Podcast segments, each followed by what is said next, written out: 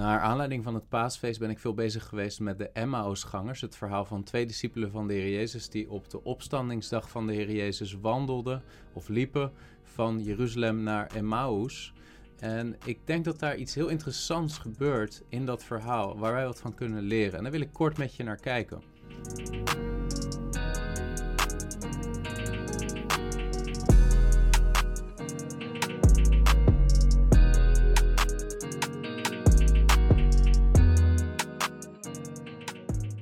In Lucas 24, vers 13 tot 36 lezen we over het verhaal van de Emmausgangers. Een verhaal wat plaatsvindt op de dag van de opstanding van onze Heer Jezus Christus. En dan lezen we het volgende vanaf vers 13. En zie, twee van hen, twee van de discipelen van de Heer Jezus, gingen op dezelfde dag naar een dorp dat 60 stadien, en dat is ongeveer 11 kilometer, oftewel 2,5 uur ongeveer lopen, 60 stadien van Jeruzalem verwijderd was en waarvan de naam Emmaus was. Ze spraken met elkaar over al deze dingen die gebeurd waren. Nou, welke dingen worden dan bedoeld? Alle gebeurtenissen rondom de week waarin de Heer Jezus gekruisigd werd. Van zijn intocht in Jeruzalem, waarin hij werd geprezen en geloofd door zoveel mensen. Tot aan het moment dat er steeds meer botsing komt met de religieuze leiders, met de overpriesters. Uh, en uiteindelijk ook de Heer Jezus verraden wordt door Judas. Uh, wordt veroordeeld door Pilatus, wordt veroordeeld door de hoogpriester en wordt gekruisigd. Er wordt gesproken door deze twee discipelen over die dingen die gebeurd waren. En dan staat er vers 15: Het gebeurde terwijl ze met elkaar spraken en van gedachten wisselen. Dat Jezus zelf bij hen kwam en met hen meeliep, maar hun ogen werden gesloten gehouden, zodat ze hem niet herkenden. Kennelijk uh, zag de Jezus er in zijn opstandingslichaam, in elk geval voor hen op dat moment, niet zo heel opvallend uit. Maar ze, ze lopen samen, de Heer Jezus komt bij hen lopen. En dan staat er dat de Heer Jezus zei tegen hen, vers 17: Wat zijn dit voor gesprekken die u al lopend met elkaar voert? En waarom ziet u er zo bedroefd uit? De Heer Jezus stelt eigenlijk een vraag, niet zozeer omdat hij zelf het antwoord niet weet, maar omdat hij hun aan het denken wil zetten. En dan lezen we dat een van hen, vers 18, van wie de naam Cleopas was, antwoordde en zei tegen hem: Bent u als enige een vreemdeling in Jeruzalem, dat u niet weet welke dingen daar in deze dagen gebeurd zijn. Hij zei tegen hen: Welke dan?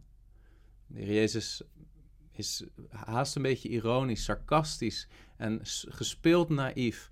Maar hij wil deze discipelen aan het denken gaan zetten tijdens deze wandeling van 2,5 uur. En hij zegt: Welke dan? En dan zeggen de discipelen dit.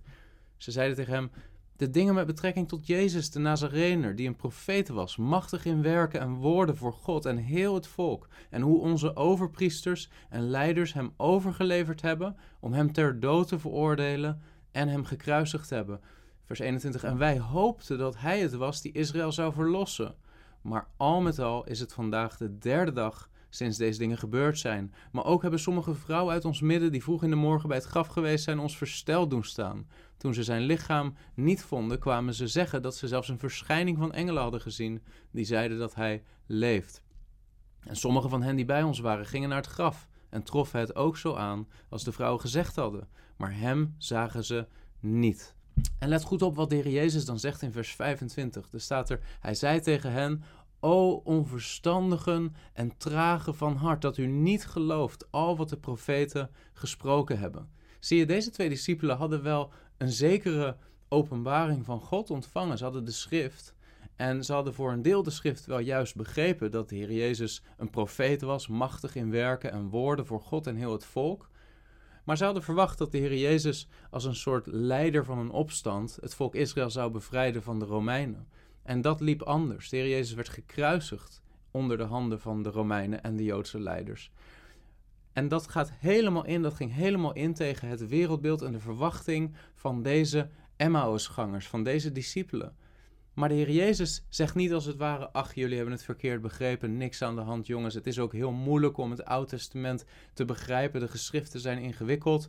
Ik zal jullie een beetje helpen. Nee, nee, nee. Dat zegt de Heer Jezus niet. Hij zegt: Onverstandigen en trage van hart, dat u niet gelooft al wat de profeten gesproken hebben. En de nadruk ligt hier op het woord al. Al wat de profeten gesproken hebben. Ze hadden een deel van het Oude Testament begrepen, een deel van de schrift in hun hart opgeslagen, maar niet alles wat in het Oude Testament stond, in de schrift stond, ter harte genomen. En dan corrigeert de Jezus hun. Hij stelt ze verantwoordelijk voor de openbaring die hij hen heeft gegeven.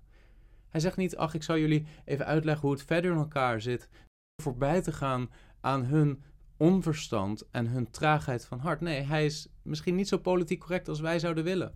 Maar de Heer Jezus wijst ze terecht en zegt als het ware: Jullie hebben de schrift ontvangen, maar jullie zijn ook verantwoordelijk om die schrift te bestuderen en ter harte te nemen. Onverstandige en trage van hart, dat u niet gelooft al wat de profeten gesproken hebben. Vers 26. Moest de Christus dit niet lijden en zo zijn heerlijkheid ingaan? En hij begon bij Mozes en al de profeten en legde hun uit wat in al de schriften over hem geschreven was. En als er staat hij begon bij Mozes en al de profeten, dan begint hij als het ware bij het boek Genesis, geschreven door Mozes, en hij gaat helemaal door tot aan het eind van het Oude Testament, tot aan Malachi. En hij laat in heel de Oude Testament zien al wat geschreven is over de Christus, over wat wat hij heeft gedaan, over zijn lijden en de wijze waarop hij zijn heerlijkheid in moest gaan als Messias. En dit is al iets heel belangrijks wat het ons moet leren. En dat is dat God, die ons de schrift gegeven heeft, ons verantwoord houdt voor wat wij daarmee doen. En dat het niet voldoende is om een deel van de schrift te begrijpen en te benadrukken en tot ons te nemen, maar God verwacht van ons dat we heel de schrift tot ons nemen en voor gezaghebbend houden en daarvanuit leven. Het is niet alleen maar sola scriptura, het is tota scriptura. En zo zien we dat de Heer Jezus waarschijnlijk zo'n 2,5 uur lang een, een Bijbelverklaring geeft van zo'n beetje het hele Oude Testament. En waarschijnlijk dus van Genesis tot Malachi laat zien alles wat erop wijst dat de Messias moest lijden en op die manier zijn heerlijkheid in moest gaan. En we weten niet precies wat de Heer Jezus heeft onderwezen aan deze discipelen, maar we kunnen ons voorstellen dat hij begon bij Genesis hoofdstuk 3 vers 15 en uh, hen wees op de belofte dat het zaad van de vrouw de kop van de slang zou vermorzelen, maar dat de slang ook de hiel van dat zaad zou vermorzelen. En dat er dus een overwinning zou komen op de boze, die tegelijkertijd ook tot beschadiging van die nakomeling van die vrouw zou leiden. En dus de Christus zou moeten lijden om zo zijn heerlijkheid in te gaan. Maar misschien dat de Heer Jezus ook wel erop wees dat Adam en Eva na de zondeval naakt waren en zich schaamden voor hun naaktheid, wat symbolisch staat voor de schande van de zonde. En vervolgens God hen bekleedt met huiden van een geslacht dier. En we, we kunnen daaruit opmaken uit het feit dat God hen bekleedt met huiden, dat er een onschuldig dier geslacht moet zijn door God, gedood moet zijn door God, om de naaktheid van Adam en Eva te bedekken. En het kan zijn dat de Heer Jezus dat liet zien. En zei tegen die discipelen: Begrijp je niet dat meteen daar al, helemaal in het begin, zichtbaar wordt dat een onschuldige moet sterven voor schuldigen? Het kan zijn dat de Heer Jezus wees op Genesis hoofdstuk 4, hoe het bloedoffer van Abel werd ontvangen, terwijl het offer van de vruchten van het land van Kain werd verworpen. En dat de Heer Jezus als het ware zei tegen deze, deze discipelen, zie je niet dat er een bloedoffer nodig is om die verzoening tot stand te brengen. Het kan zijn dat, de, dat Jezus deze discipelen wees op de ark van Noach en de, de wijze waarop heel de wereld geoordeeld werd. En vervolgens, nadat de wateren weer zakten, het eerste wat Noach deed was opnieuw een offer brengen aan God en bloed moest vloeien.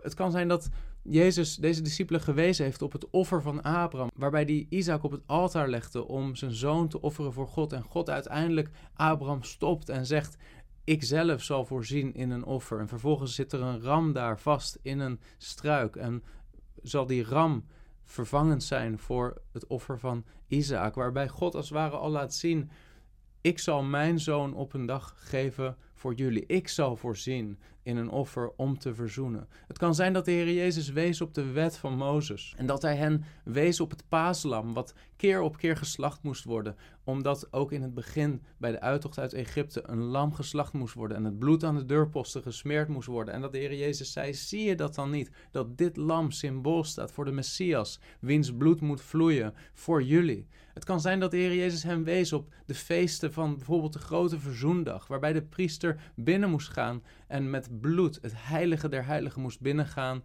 om verzoening te brengen voor het volk. En dat de Heer Jezus zei: Zie je dan niet dat de Messias zijn bloed moet geven om verzoening te geven tussen God en mensen? Het kan zijn dat de Heer Jezus deze discipelen wees op de rots in de woestijn, die Mozes geslagen had, die vervolgens brak en waaruit vervolgens water vloeide om heel het volk te drinken te geven. En hoe Christus, als het ware, de vervulling is van die rots, die geslagen is voor ons en vervolgens tot zegen is voor ons. Het kan zijn dat de Heer Jezus hem wees op de profeet, die aangekondigd is in Deuteronomium hoofdstuk 18. Een profeet zoals Mozes, die zou opkomen uit de broeders.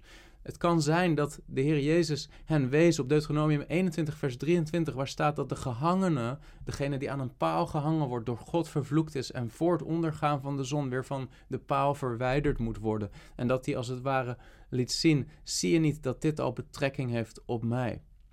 Het kan zijn dat de Heer Jezus deze discipelen wees op de verschillende psalmen die gaan over het lijden van de Messias. Psalm 22, Psalm 41, Psalm 69. Het kan zijn dat de Heer Jezus hen wees op Jesaja 53, die zo duidelijk daar spreekt over het lam wat ter slachting geleid wordt en wat een plaatsvervangend offer brengt. Het kan zijn dat Jezus deze discipelen gewezen heeft op Daniel 9, vers 26, de belofte van de 70 weken over het volk Israël, waarbij na 69 weken een gezalfde, een Messias, afgesneden zal worden. En de Heer Jezus zei, zie je dan niet dat die Messias moest lijden? En ik ben die Messias. Het kan zijn dat de Heer Jezus hem wees op Psalm 16, vers 10, waar staat: Want u zult mijn ziel in het graf niet verlaten. U laat niet toe dat uw heilige ontbinding ziet, et cetera, et cetera, et cetera. De Heer Jezus in 2,5 uur tijd liet deze discipelen zien alle verschillende schriftgedeelten in het Oude Testament die erop wezen dat de Messias zou moeten lijden en door lijden heen zijn heerlijkheid binnen moest gaan. En dan lezen we dat de reactie van die prediking van de Heer Jezus, die bijbelverklarende prediking, is niet dat deze mensen op hun horloge kijken en zeggen: is de preek al afgelopen? Maar we lezen dat ze achteraf zeggen, vers 32, was ons hart niet brandende in ons toen Hij onderweg tot ons sprak en voor ons de schriften opende?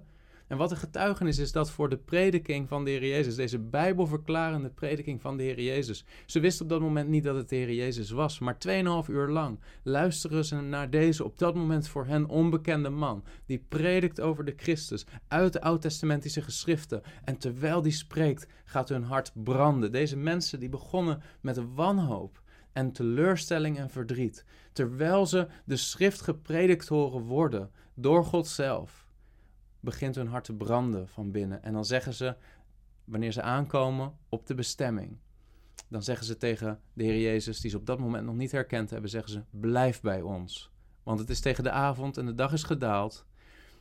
En ten diepste zeggen deze mensen, we willen meer horen van u. We willen meer horen van wat u te zeggen hebt. En bij het breken van het brood herkennen ze hem en zien ze dat het de Heer Jezus is. Maar wat ik, wat ik je wil meegeven is dit. Is het niet opvallend dat deze opgestane Heer Jezus, in plaats van dat hij meteen al zegt: Jongens, ik ben het, de opgestane Jezus, zie mijn wonden. In plaats daarvan legt hij hun de schrift uit en houdt hen verantwoordelijk voor hun begrip van de schrift. En wat, is, wat heeft dat te betekenen voor jou en mij?